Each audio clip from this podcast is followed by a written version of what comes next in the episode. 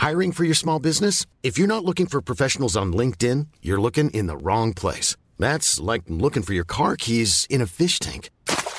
LinkedIn helps you hire professionals you can't find anywhere else, even those who aren't actively searching for a new job but might be open to the perfect role. In a given month, over 70% of LinkedIn users don't even visit other leading job sites. So start looking in the right place. With LinkedIn, you can hire professionals like a professional. Post your free job on linkedin.com slash spoken today.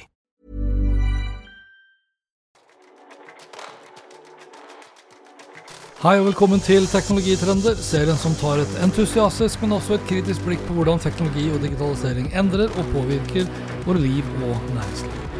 Episoden presenteres som alltid av Epsenter, Oslos hub for digital innovasjon og et økosystem for innovative selskaper i vekst. Gå inn på episenteroslo.com og bli medlem du også. I forrige uke leste jeg en interessant undersøkelse fra Ipsos uh, om da kunstig intelligens. Vil si, undersøkelsen handlet ikke om kunstig intelligens i seg selv, men om vårt forhold til det som må sies å være den største og mest transformerende teknologiutviklingen vi kommer til å oppleve siden elektrisiteten. Siden ChatGPT ble lansert i slutten av 2022, altså har interessen for kunstig intelligens eksplodert. Og det er enorme forventninger til hvordan AI vil påvirke alt og alle. Iallfall tilsynelatende. Min egen definisjon av digitalisering, som handler om å utnytte de teknologiske mulighetene til å gjøre mer med mindre, raskere og billigere, og til det bedre, vil jo potensielt, da, eller det vil akselereres i nærmest et uh, eksponentielt tempo som følge av kunstig intelligens. Derfor blir jeg litt bekymret når jeg leser Ipsos sin globale undersøkelse om AI, og da spesielt de norske resultatene som avdekker da folks oppfattelser om kunstig intelligens. I Norge mener 62% at de har en god forståelse av hva kunstig intelligens er. Noe som er veldig høyt, tenker jeg, samtidig som det er litt lavere enn det globale gjennomsnittet på 67 jeg mistenker at det kan være snakk om 62% som tror at de tror de vet hva kunstig intelligens er, men som egentlig ikke har god forståelse på hva f.eks. For forskjellen på den kunstige intelligensen som ligger til grunn for Google sin søkemotor, og hvordan den er annerledes enn den kunstige intelligensen som OpenAI har basert ChatGPT på. For noen måneder siden for eksempel, så var jeg invitert til TV 2 Nyhetskanalen for da å snakke om nettopp ChatGPT. Og rett før sending fortalte nyhetsankeret meg at det første spørsmålet som skulle stilles, var om Google snart ville begynne å bruke kunstig intelligens i sin søkemotor. For noen dager siden, under Arendalsuka, så måtte Inga Strømke, altså AI-professoren fra NTNU og forfatteren av AI-boken 'Maskiner som tenker', som tilsynelatende alle nordmenn har kjøpt, ja, hun måtte irettesette den ene topplederen og politikeren etter den andre fordi man da mente at ChatGPT var en ny generasjon Google-søk. Begrenset forståelse kan ofte føre til direkte feil beslutninger, og ikke minst påvirke folks oppfattelser og holdninger og når det kommer da til nordmenns holdninger til nettopp da kunstig intelligens, ja, så er vi ganske så delt. Over halvparten, eller 52% svarer at de blir nervøse av produkter og tjenester som benytter seg av kunstig intelligens, mens 38% er begeistret. Allerede her mistenker jeg at det er mange som f.eks. ikke tenker så mye på at de bruker kunstig intelligens hver dag. Også når de tar bilder med sin smarttelefon, så er kunstig intelligens involvert. Når de åpner opp uh, mobiltelefonen sin, så er det kunstig intelligens som gjør at vi kan låse den opp med ansiktet vårt eller fingeren vår. Og det er også kunstig intelligens som gjør at søkeresultatet når man googler, blir mer relevant. Og når Netflix og Spotify foreslår relevant innhold. For ikke glemme at det er kunstig intelligens som hjelper deg å ta raskest mulig vei fra A til B når du bruker GPS-tjenestene til f.eks. Apple og Google. Og da har jeg bare nevnt noen få AI-tjenester. Vi nordmenn er også mindre bekymret enn resten av verden for at kunstig intelligens vil ta over jobbene våre, og kun 37% svarer at de tror at kunstig intelligens kommer til å påvirke deres egen jobb i løpet av de neste fem årene, mens nesten dobbelt så mange tror det samme i resten av verden. Samlet sett viser Ipsos sin undersøkelse at nordmenn flest har en slags ja, naiv holdning til kunstig intelligens sammenlignet med mange andre land. Ipsos tror at dette kan skyldes at vi er et samfunn basert på høy tillit, hvor nordmenn flest stoler på at våre myndigheter og kommersielle aktører vil håndtere teknologiske endringer på en ansvarlig måte. Personlig tror jeg tilnærmet alle jobber og alle arbeidsoppgaver kommer til å bli påvirket på en eller annen måte av teknologiske fremskritt i årene fremover. Og at en eller annen form for AI kommer til å bli integrert i nesten all teknologi. Derfor er jeg også bekymret for at vi er litt naive, litt for konforme og litt for avslappende til AI-utviklingen. Og da tenker jeg mest av alt på våre myndigheter, som tilsynelatende virker mer opptatt av å forby og reversere, og som ser ut til å håpe på at EU kommer til å løse alle AI-utfordringene for oss. For dette kan komme til å koste oss dyrt. Følger vi ikke med i timen nå, frykter jeg at den negative trenden vi har opplevd de siste årene, at vår innovasjon og konkurransekraft forringes, ja, at den bare vil fortsette.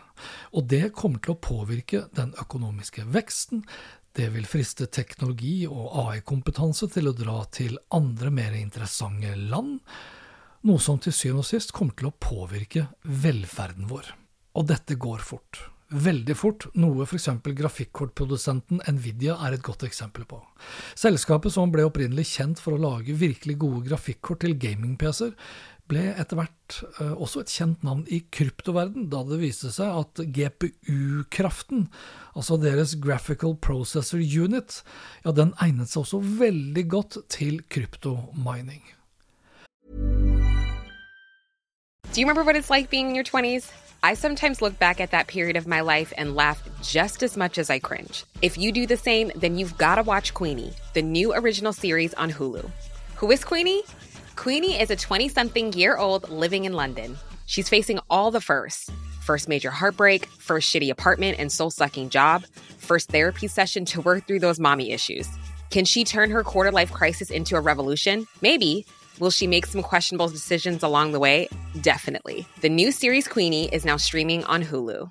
I'm Sandra, and I'm just the professional your small business was looking for. But you didn't hire me because you didn't use LinkedIn jobs. LinkedIn has professionals you can't find anywhere else, including those who aren't actively looking for a new job but might be open to the perfect role, like me.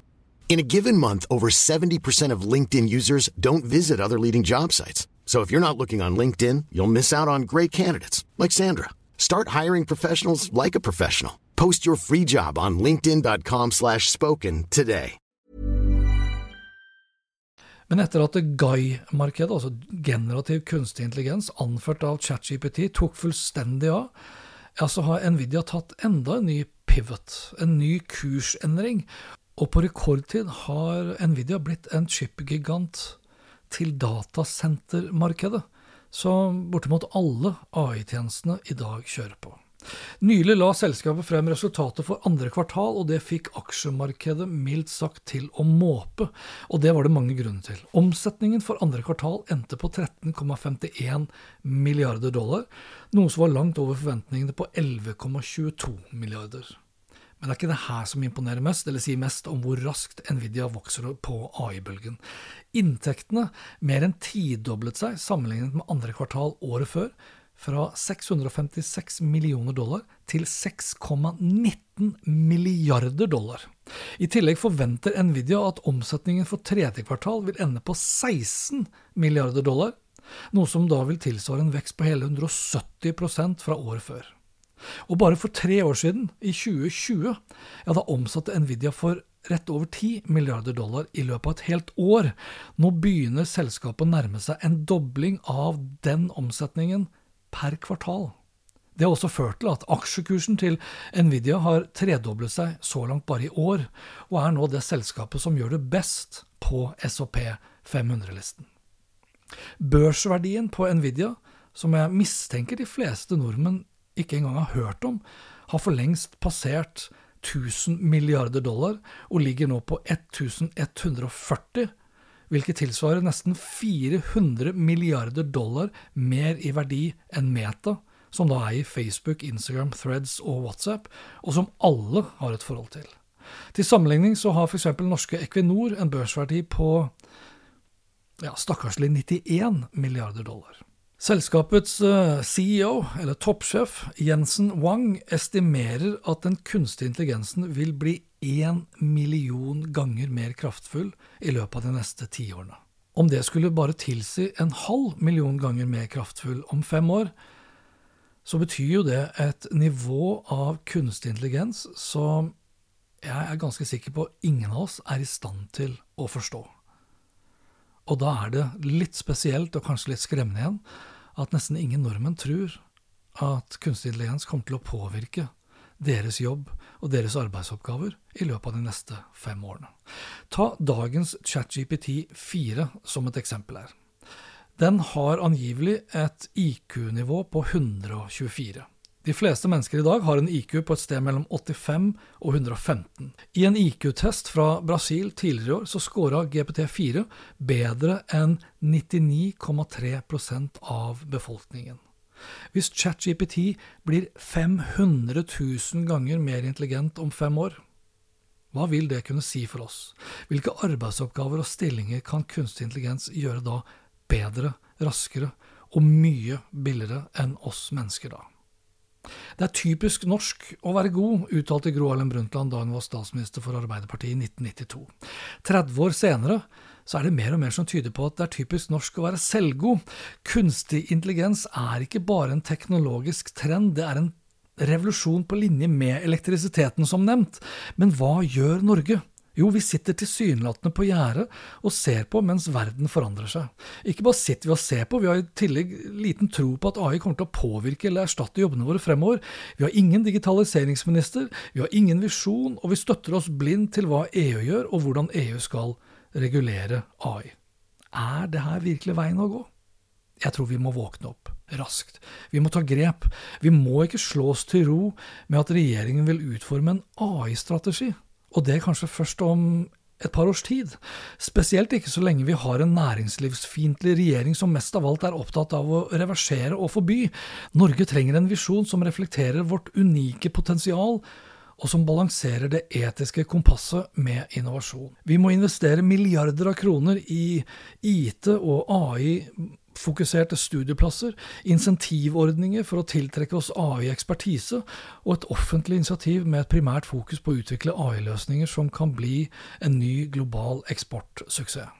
AI er ingen forbipasserende hype, men en transformerende teknologi som vil påvirke og endre måten vi lever, leker, lærer og jobber på, enten vi vil eller ikke.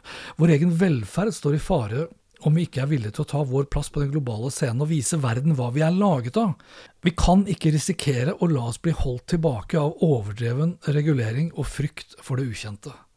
Norge står ved et veiskille. Vi kan enten bli en del av den største innovasjonen siden elektrisiteten, eller bli sittende på gjerdet og se på at verden går videre uten oss. Og det var dette for denne gang. Inntil neste episode, vær nysgjerrig. Still også kritiske spørsmål. For all del, ikke bli en teknologisjåvinist, for det er den eneste riktige måten å møte fremtiden på. Lenker til alt jeg har snakket om, finner du som alltid på hanspetter.info. Snakkes. Hei då.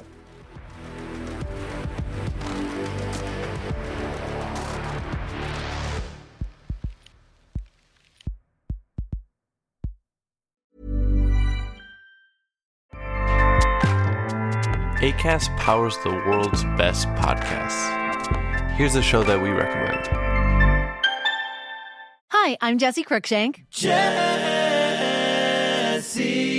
Cruikshank. I host the number one comedy podcast called Phone a Friend. Girl, let's phone a friend. Not only do I break down the biggest stories in pop culture with guests like Dan Levy and members of InSync, I do it with my own personal boy band singing jingles throughout because it's my show. It's your show, girl. New episodes of Phone a Friend Yeah. drop Thursdays wherever you get your podcasts. So work it, girl. Yeah, work it. Okay, that's enough. ACAST helps creators launch, grow, and monetize their podcasts everywhere. ACAST.com.